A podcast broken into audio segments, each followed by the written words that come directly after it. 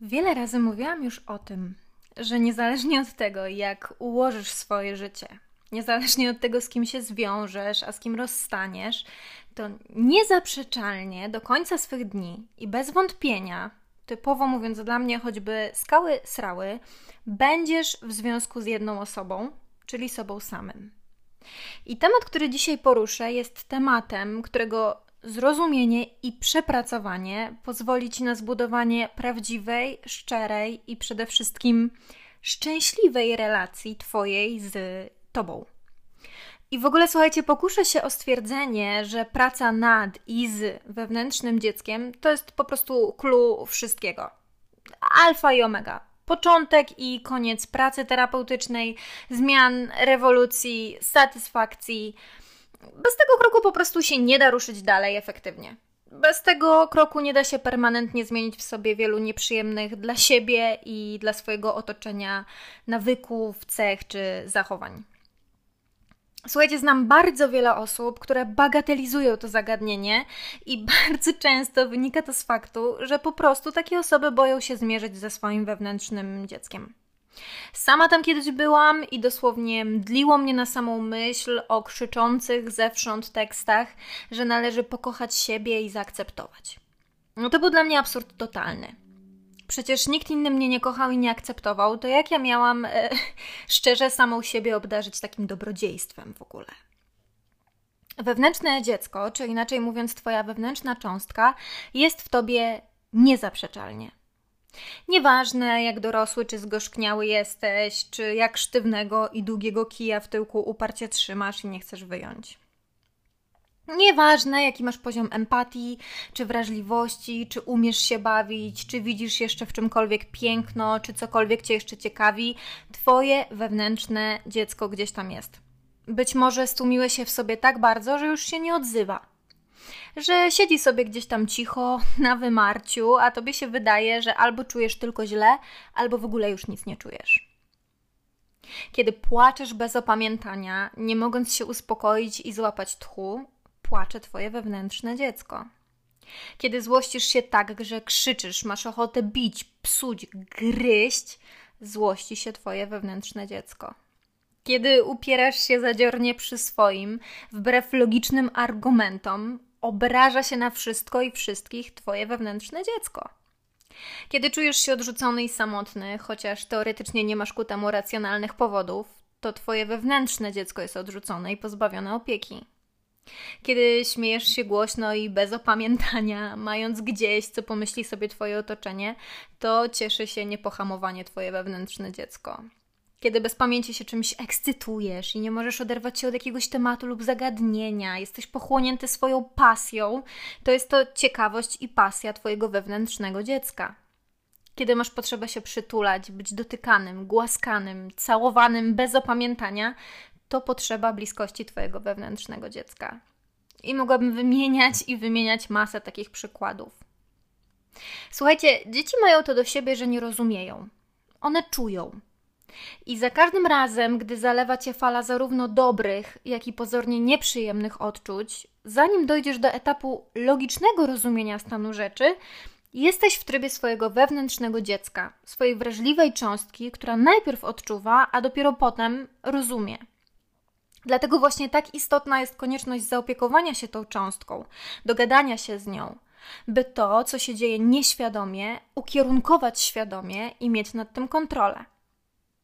Gdy byliśmy mali, to rodzice czy opiekunowie powinni odpowiadać na nasze odruchowe potrzeby i odczucia. Uczyć nas rozumieć, co się właśnie w nas zadziewa i jak to efektywnie spożytkować. Jako dziecko przecież nie odczuwałeś wstydu, dopóki ktoś cię nie zawstydził, że w nosie się nie dłubie na przykład. No jako dziecko nie bałeś się mówić szczerze o tym, co czujesz i czego chcesz, wręcz tego manifestować, dopóki po raz pierwszy nie doświadczyłeś odrzucenia tych potrzeb i odczuć i nie zacząłeś w konsekwencji kreować w sobie na przykład mechanizmów manipulacji czy wymuszeń, by więcej nie zostać odrzuconym.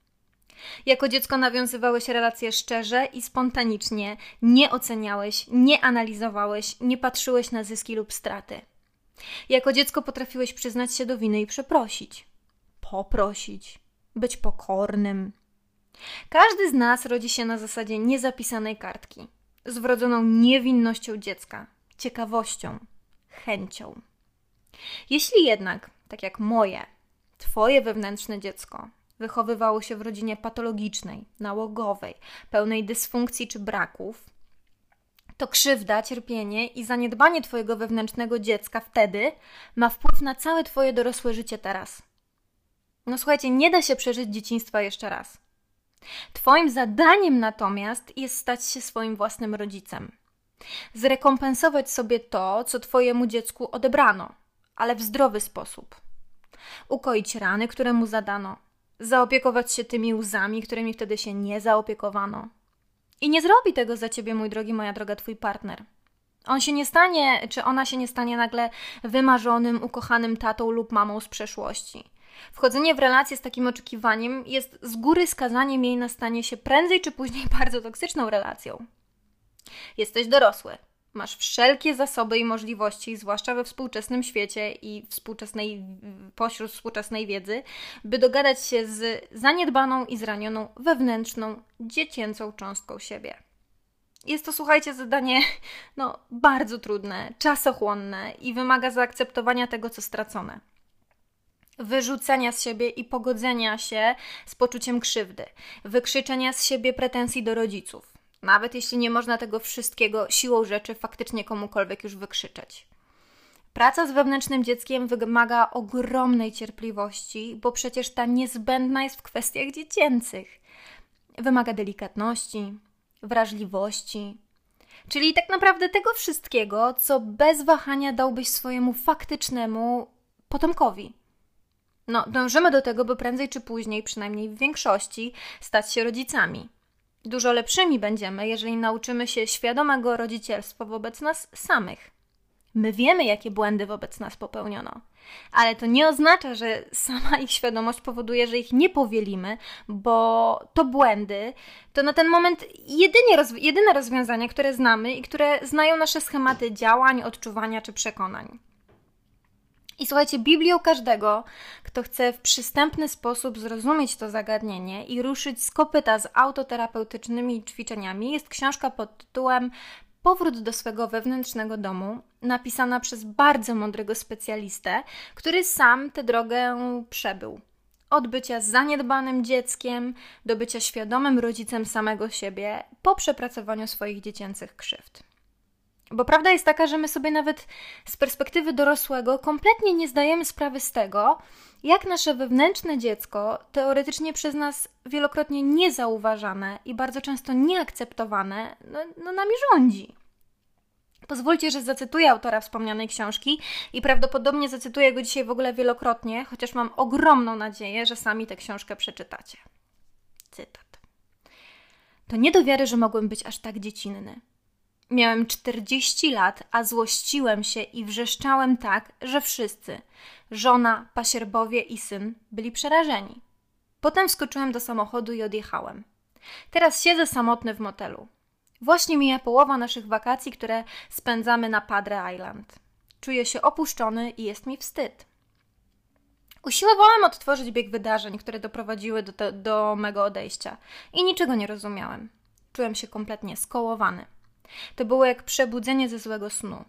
Tak pragnąłem, by moje życie rodzinne było ciepłe, pełne miłości i serdeczności.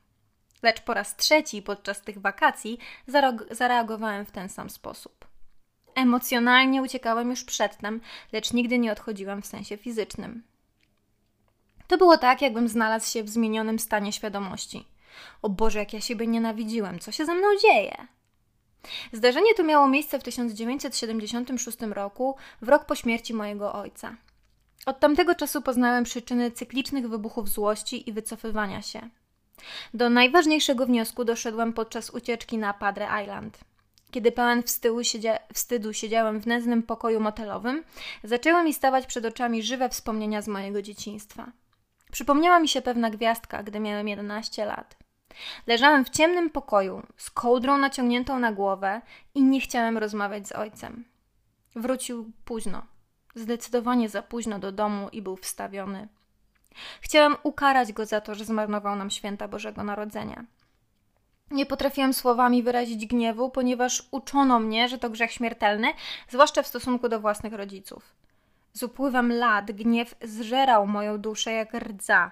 Tak jak zwierzę w klatce był wygłodniały i wściekły. Przeważnie dzięki mojej czujności udawało mi się nad nim panować. Byłem sympatycznym facetem. Byłem najlepszym tatusiem na świecie aż do czasu, gdy dłużej już nie mogłam go powstrzymać. Wówczas stawałem się Iwanem Groźnym. Pojąłem wreszcie, że wakacyjne humory były spontaniczną regresją w czasie.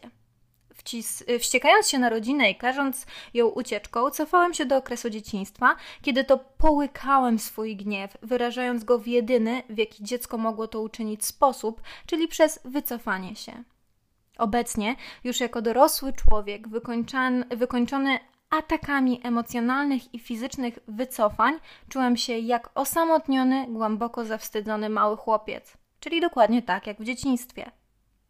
Teraz zrozumiałem, że jeśli rozwój dziecka zostaje zahamowany, a uczucia, zwłaszcza gniewu i urazy, są tłumione, to w osobie takiej, gdy jest już dorosła, nadal tkwi gniewne, skrzywdzone dziecko.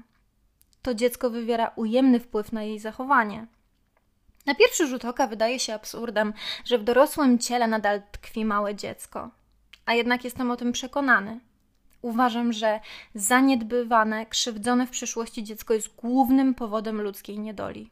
Dopóki nie odzyskamy go i nie otoczymy troskliwą opieką, będzie wciąż dawało znać o sobie i wywierało ujemny wpływ na nasze życie. W jaki sposób, drogi słuchaczu, możesz na własne oczy teraz zobaczyć, jak mocno skrzywdzone dziecko w tobie wciąż żyje i odtwarza traumy z przeszłości? Pomyśl proszę przez chwilę o jakości swojego dotychczasowego życia, o jakości Twoich bliskich relacji, o swoim wnętrzu i o tym, kim jesteś, gdy nikt nie patrzy. Wymienię teraz kilka przykładów.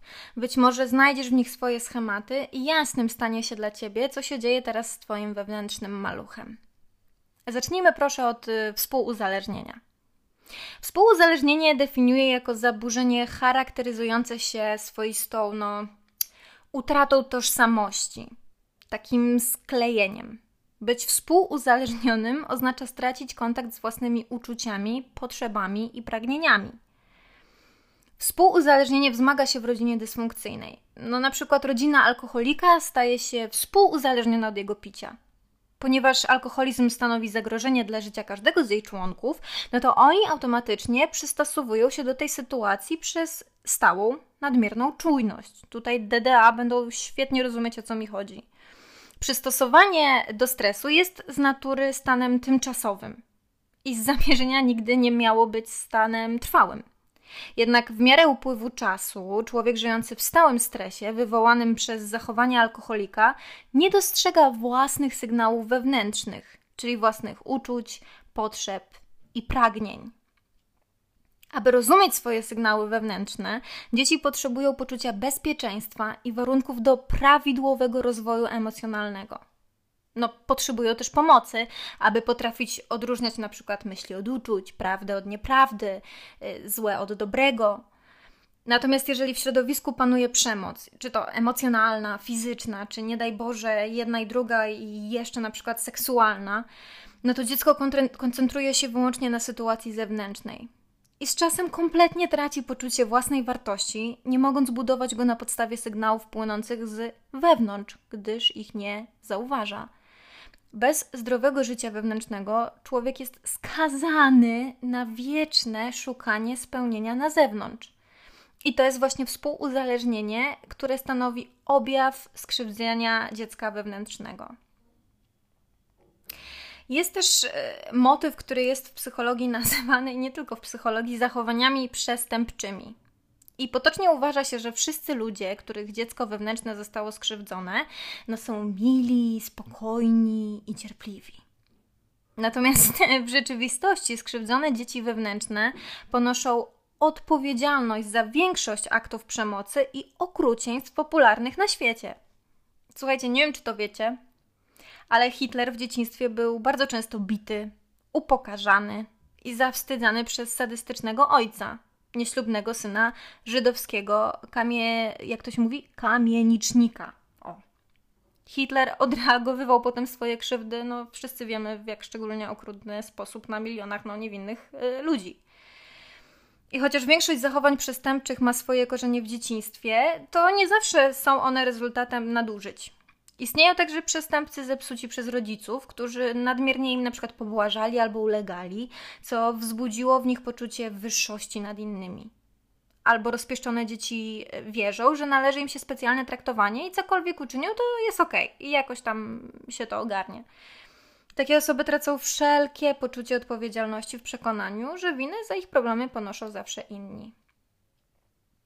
Kolejnym e, objawem skrzywdzonego wewnętrznego dziecka jest coś, o czym też już e, mówiłam w którymś z odcinków, i to jest narcyzm.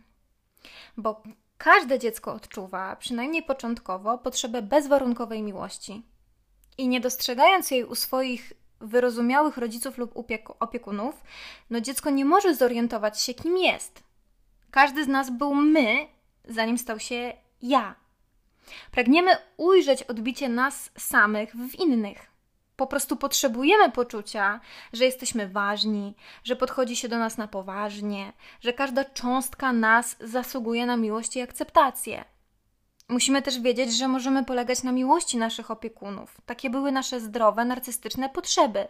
Natomiast jeżeli nie zostały zaspokojone, no to nasze ja ulega bardzo głębokiemu zranieniu. I niezaspokojony narcyzm dziecka wewnętrznego zatruwa dorosłe życie zajebiście wiecznie nienasyconą tęsknotą za miłością, troską i uczuciem. Roszczenia dziecka będą uniemożliwiać związki dorosłego człowieka, ponieważ bez względu na to, jak wiele miłości napotka w przyszłości, nigdy nie będzie miało jej dosyć i brak zaspokojenia potrzeb narcystycznych przybiera u dorosłego dziecka takie formy jak na przykład no, wieczne doznawanie rozczarowań w kolejnych związkach, ustawiczne poszukiwanie doskonałego partnera zaspokajającego wszystkie i tylko wszystkie potrzeby, uleganie nałogom, no bo nałóg jest próbą wypełnienia psychicznej dziury. Najlepszym przykładem jest to uzależnienie od seksu, czy w cudzysłowie oczywiście miłości. No to będzie też pogoń za wszelakimi dobrami materialnymi lub pieniędzmi, które dają poczucie wartości, a tak naprawdę tylko pogłębiają dziurę. To jest często też chęć bycia osobą publiczną, na przykład aktorem lub sportowcem, ze względu na potrzebę nieustannych pochlebstw i aplauzu. Czy nawet wykorzystywanie własnych dzieci w celu zaspokojenia swoich potrzeb. Czyli wyobrażanie sobie, że dzieci nigdy nie odejdą i zawsze będą kochać, szanować, wielbić narcystycznego rodzica, który się stara zdobyć u dzieci miłość i szczególny podziw, jakich nie znalazł u własnych rodziców. Jeden z kolejnych aspektów to jest e, nieufność. No, jeżeli opiekunowie okazują się niegodni zaufania, to w dzieciach rozwija się głębokie uczucie nieufności. I świat wydaje im się miejscem niesamowicie niebezpiecznym, wrogim i nieprzewidywalnym. Dziecko zatem musi zawsze mieć się na baczności i po prostu panować nad sytuacją. Nabiera przekonania w stylu: jeżeli kontroluję wszystko, to nikt mnie nie zaskoczy i nie zrobi mi krzywdy. Takie przekonanie rodzi po prostu obsesję i konieczność kontrolowania wszystkiego staje się nałogiem. I takie zaburzenia w sferze zaufania wywołują skrajne reakcje. Albo człowiek rezygnuje z jakiejkolwiek kontroli, ufa naiwnie i łatwowiernie, kurczowo trzymając się innych i darząc ich przesadnym szacunkiem, albo absolutnie w drugą stronę, ucieka w odosobnienie i samotność, budując ochronny mur, który nikomu nie, e, który nikomu nie, nie pozwala się przedostać. To są też te kompletne friki e, kontroli partnera, sprawdzania telefonów e, i różnych tego typu sytuacji. Inny aspekt skrzywdzonego wewnętrznego dziecka to jest odreagowywanie na otoczeniu ale żeby to zrozumieć, w jaki sposób skrzywdzone dziecko wewnętrznie odreagowuje na otoczeniu niezaspokojonej potrzeby i nieuleczone urazy dzieciństwa, no to musimy przede wszystkim zrozumieć, że pierwotną siłą motywacyjną naszego życia jest emocja. Bardzo często niewygodna. No bo emocje są motorem działań, które podejmujemy, aby obronić siebie i zaspokoić nasze podstawowe potrzeby, i to jest energia podstawowa. No gniew nas popycha do samoobrony. W gniewie przyjmujemy postawę bojową, walczymy o należne nam prawa, chronimy naszych, e, naszych granic. Strach popycha nas do ucieczki w obliczu niebezpieczeństwa, daje nam przenikliwość, ochrania nas, informując, że tuż obok czai się zagrożenie zbyt duże, by z nim walczyć, każe nam uciekać i się chronić. Smutek skłania nas do łez. One nas oczyszczają i przynoszą ukojenie w, jakimś, w jakiejś niedoli. Smutek pozwala potrzebie straty y, uwolnić energię do działań w teraźniejszości. Natomiast nie umiejąc wyrazić żalu czy smutku, no to nie uporamy się z przeszłością. Energia emocjonalna związana z urazem ulega skrzepnięciu. Tłumiona i nie znajdująca ujścia nie zniknie, tylko będzie próbowała uwolnić się sama. I jeśli nie zostanie wyrażona w zdrowym smutku, ujawni się w niezdrowych zachowaniach. Zjawisko to nosi nazwę odreagowywania na zewnątrz.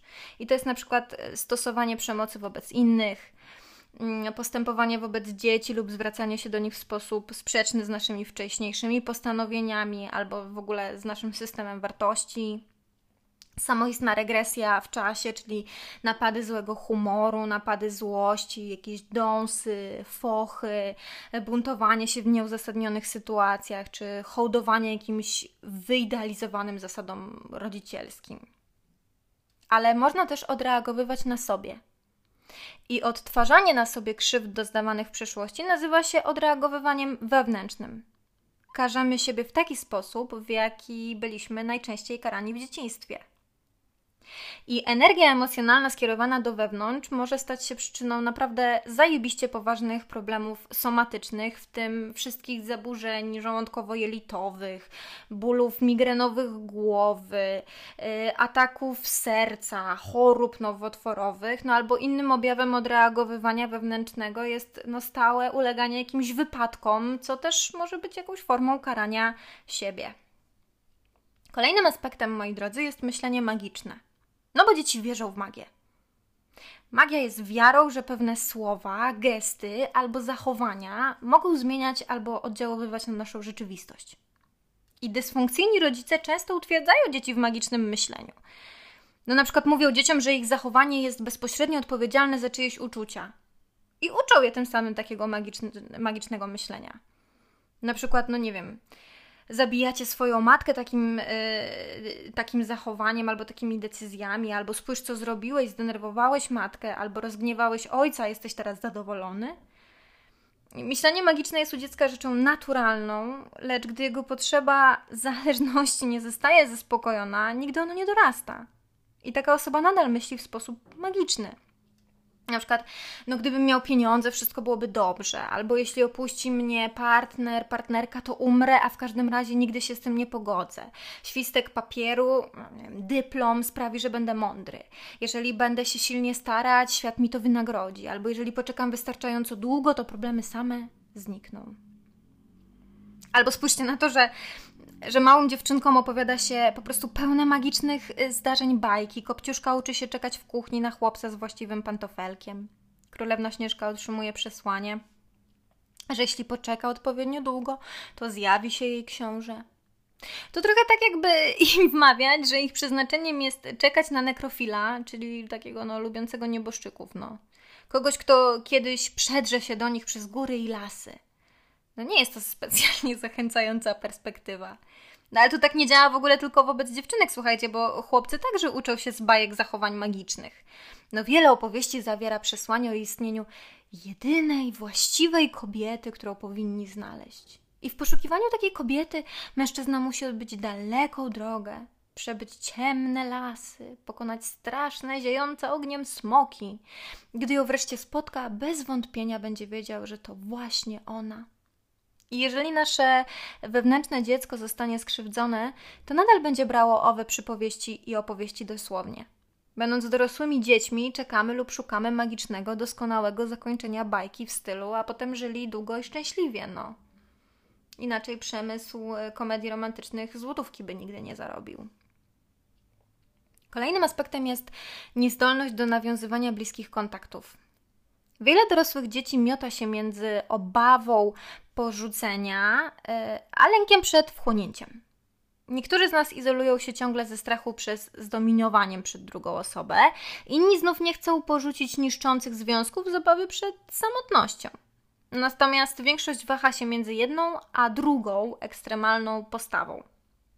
I jeśli dziecko dozna krzywdy w wyniku zaniedbania lub przemocy, no to granice jego ego ulegają naruszeniu. Wystawione jest wówczas na groźbę porzucenia lub wchłonięcia. Wiedząc, kim jest, człowiek nie obawia się wchłonięcia. Posiadając poczucie własnej wartości czy pewność siebie, no to nie obawia się porzucenia. Natomiast pozbawieni silnych granic, nie wiemy, gdzie kończy się nasze ja, a zaczyna ktoś inny. Z trudem przychodzi nam powiedzieć nie i określić, czego naprawdę chcemy, a to jest przecież podstawa do nawiązywania intymnych, nietoksycznych związków. Jest też kwestia niezdyscyplinowania. Bardzo dużo dzisiaj jest ciężkich słów albo ciężkich zbitek słów. I niezdyscyplinowane dziecko wewnętrzne e, odkłada sprawy pilne na później. I ciężko jest mu odroczyć gratyfikację, robienie sobie, mówiąc w cudzysłowie, dobrze. Ono się buntuje, jest uparte, nieposłuszne, działa impulsywnie, bez namysłu. Dziecko przesadnie zdyscyplinowane jest bezwzględne, natarczywe, ma tego przysłowiowego kija w dupie i za wszelką cenę nie chce go wyjąć. Jest po prostu nadmiernie opanowane i posłuszne. Stara się wszystkich zadowolić, bo jest owładnięte poczuciem wstydu i winy. Większość osób, których dziecko wewnętrzne zostało skrzywdzone, przejawia masę skrajnych zachowań. Na przykład, no, takie osoby są dużo bardziej narażone na różne skłonności do nałogów i zachowań kompulsywnych. No prawie wszystko może się stać przedmiotem fascynacji i samo w sobie przez to źródłem zmiany nastroju. Podłożem każdego nałogu, niemalże każdego, jest skrzywdzone dziecko wewnętrzne, wiecznie spragnione i pełne niezaspokojonych potrzeb. Cechy te są łatwo zauważalne nawet przez ludzi nie mających częstych kontaktów z nałogowcami. No, można być uzależnionym przecież nie tylko od papierosu, alkoholu, papierosów, alkoholu, narkotyków czy od seksu, a od nawet skrajnych emocji, początkowej fazy związków, samookaleczania się, czy w ogóle drugiego człowieka. I jest też aspekt, słuchajcie, wypaczonego myślenia. No bo dzieci są nielogiczne. Przejawia się to w tym, co określamy jako rozumowanie emocjonalne. Gdy czuję się jako tako, oznacza to, że wszystko będzie w porządku. Jeżeli czuję się winny, no to muszę być bardzo zły. Dlatego właśnie dzieci powinny być właściwie kształtowane, by nauczyły się odróżniać myśli od emocji, aby potrafiły myśleć o uczuciach i czuć myślenie. Dzieci myślą egocentrycznie.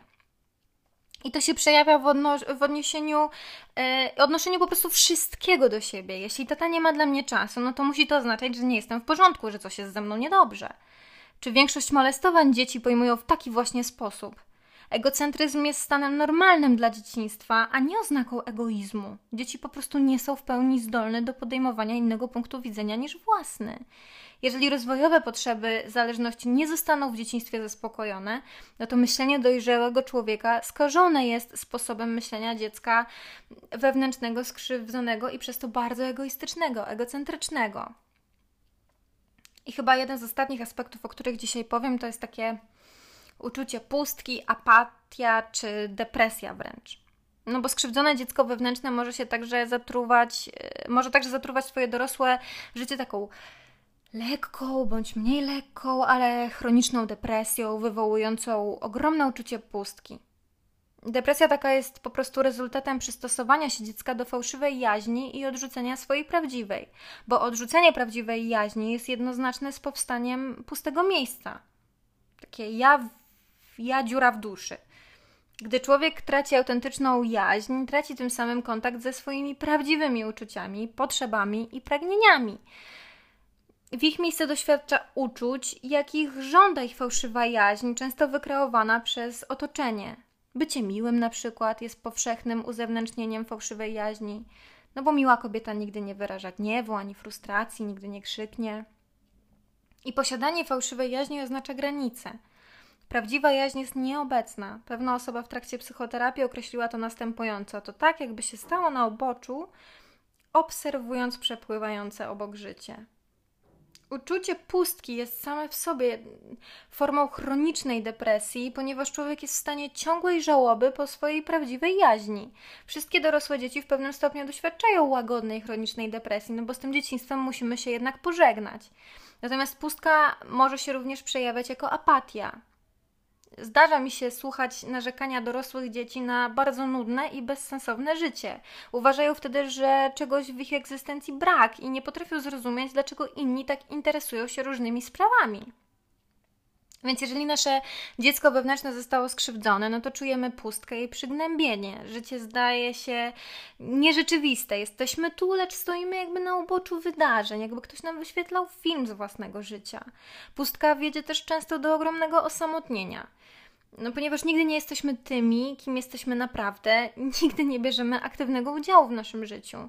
I nawet jeśli ludzie podziwiają nas i garną się do nas, to czujemy się niejednokrotnie bardzo samotni. Drogi słuchaczu, czy mówiłam właśnie o Tobie? Albo o kimś Tobie bliskim? Jeśli tak, to tulę teraz Twoje wewnętrzne bobo i przyznam Ci się, że niegdyś mogłam do siebie przypisać niemalże wszystkie wymienione punkty. Słuchajcie, pamiętam dobrze dzień, w którym moja terapeutka poprosiła mnie o przyniesienie na sesję zdjęć z dzieciństwa. Coś tam wygrzebałam, nawet nie bardzo przeglądając i zaniosłam do gabinetu. Potem je razem oglądałyśmy bardzo uważnie i nie miałam już jak zignorować żadnego zdjęcia, a zwłaszcza jednego. Miałam na nim ze 3 lata i zostałam posłana do zdecydowanie za starszej dla mnie grupy przedszkolaków. Mama mnie obcięła na garnek, więc miałam po prostu na głowie obrzydliwego rudego grzyba. Źle się czułam w tym przedszkolu, w ogóle nikt mnie na to nie przygotował. To była bardzo spontaniczna decyzja, bo nie było co ze mną zrobić, jak mama dorabiała sobie mm, w takim ośrodku. No dzieci mnie po prostu tam odrzuciły i to zdjęcie pochodziło właśnie z przedszkolnej sesji. Zdjęcie portretowe, na którym siedzi zgarbiona, stłamszona, potwornie smutna dziewczynka. Ja się strasznie poryczałam nad tym zdjęciem. Zrobiło mi się siebie niewyobrażalnie żal. Gdybym z perspektywy dorosłej kobiety zobaczyła gdziekolwiek dziecko z taką postawą i miną, jak ta trzyletnia ja na tym zdjęciu, to po prostu niebo i ziemię bym poruszyła, żeby zmienić świat tego dziecka. I skonfrontowanie się z tym obrazem było pierwszym krokiem mojej bardzo długiej podróży nawiązania kontaktu z moją wrażliwą i wypartą cząstką wewnętrznego dziecka.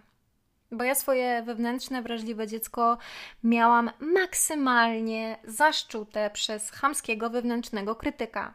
I on mi nie pozwalał spontanicznie odczuwać. On nie znał mojej wartości. Ja się nim sama nad sobą niejednokrotnie znęcałam, potrafiąc puścić na siebie wiązankę, bo mi na przykład łyżeczka upadła. Albo nie wykonałam czegoś w 100% perfekcyjnie. Albo się głupio zaśmiałam w nieodpowiednim momencie a gdy wrażliwa cząstka czuła za bardzo, no to prym wtedy yy, należał do odłączonego obrońcy, który na wszystko miał wymówkę i był wieczną ofiarą i robił dosłownie wszystko, bym nie czuła nic. Moje wewnętrzne dziecko było tak skrzywdzone, zaniedbane i zaszczute, że gdy w trakcie wyobrażeniowego ćwiczenia terapeutycznego miałam sobie wyobrazić malutką Klaudię w sobie, to aż nadal mam gęsią skórkę, gdy przypominam sobie obraz, który samoistnie pojawił się przed moimi oczami. To była, słuchajcie, wściekła dziewczynka rodem z horroru. No, laleczka czaki przy niej to jest nic. No, moja mała Klaudia była brudna. Włosy miała sklejone w jeden wielki rudy kołtun i te wielkie zielone oczy aż parzyły nienawiścią, jadem i złością. Ona się nawet, słuchajcie, nie chciała do mnie odezwać tylko taka wściekła, brudna i straszna na mnie patrzyła. I wyśmiewała mnie tym spojrzeniem, słuchajcie. Tak samo jak ja niejednokrotnie wyśmiałam ją, zwalając na jej nadwrażliwość wszystkie moje związkowe i życiowe porażki. Bardzo fajnie pracę z wewnętrznym dzieckiem opisuje cytat Rona Kurtza. Chcę, żebyś wyobraził sobie, co byś zrobił, gdybyś zastał to prawdziwe dziecko w osobliwej sytuacji. Co mądrego można zrobić dla zmieszanego i załamanego dziecka? Jak wyrazić mu współczucie? Usiądź i porozmawiaj z nim. Wysłuchaj go. Zobacz, czym się martwi, pomóż mu zrozumieć, uspokój je, obejmij, potem pobaw się z nim trochę. Wyjaśnij mu różne rzeczy i opowiedz jakąś historię. Tak właśnie wygląda terapia w najstarszym i najlepszym wydaniu. Nic nadzwyczajnego, po prostu życzliwość i cierpliwość. Przełomem w mojej pracy terapeutycznej z wewnętrznym dzieckiem był moment, w którym znów zalała mnie fala emocji bardzo ciężkich podczas jednego z rozstań. Ja się czułam zdradzona, skrzywdzona, odpuszczona po prostu z łatwością pierdnięcia i chciałam wrzeszczeć, chciałam niszczyć. Po prostu uruchomiły się wszystkie guziczki złej, opuszczonej małej Klaudii. Ale dzięki mojej pracy terapeutycznej z wewnętrznym dzieckiem, zamiast zareagować standardowo impulsywnie i dosłownie słownie wyżygać cały swój ból, żal i złość na porzucającego mnie, pamiętam, że po prostu do samej siebie powiedziałam: OK, mała, czuję cię. Czuję przez co przechodzisz, rozumiem to, akceptuję i masz prawo tak się czuć. Masz rację, ale jestem przy tobie i trzymam cię mocno. Razem jakoś to ogarniemy. I słuchajcie, pomogło. Pomogło mi chyba jak nic nigdy wcześniej. Książce Powrót do swojego wewnętrznego domu znajdziecie po prostu masę informacji o tym, jak efektywnie zaopiekować się swoją dziecięcą złością, wynikającą z krzywd rodziców i ich zaniedbań. Znajdziecie ćwiczenia na ukojenie, na przebaczenie, na nawiązanie kontaktu ze swoim wewnętrznym dzieckiem. Będziecie pisać do niego listy, Będziecie pisać listy do rodziców, których nigdy nie wyślecie, ale poczujecie ulgę tak wielką, że już nawet nie będziecie chcieli ich wysyłać, jeśli to faktycznie byłoby możliwe. Wypracujecie w sobie dojrzałość, która pozwoli Wam się stać własną rekompensatą, własnym rodzicem i uświadomić nieświadome, odzyskać te stracone, ogromne pokłady miłości i troski, za którymi tak tęsknicie. Przeczytajcie proszę tę książkę. Przeróbcie ją sami albo przeróbcie ją z terapeutą. Zróbcie to dla siebie, dla dzieci w sobie i dla swoich przyszłych lub już obecnych dzieci. Bo dziecko w nas potrafi dawać dużo dobrego w tym dorosłym, odpowiedzialnym i niejednokrotnie y, smutnym życiu.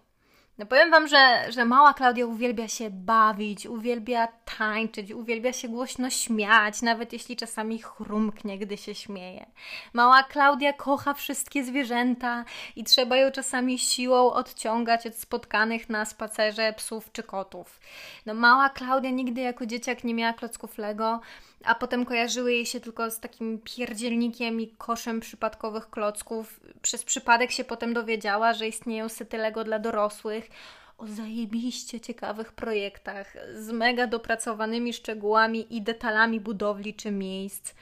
No więc mała Klaudia teraz potrafi układać godzinami z wyciągniętym językiem, ciekawością i, i fascynacją.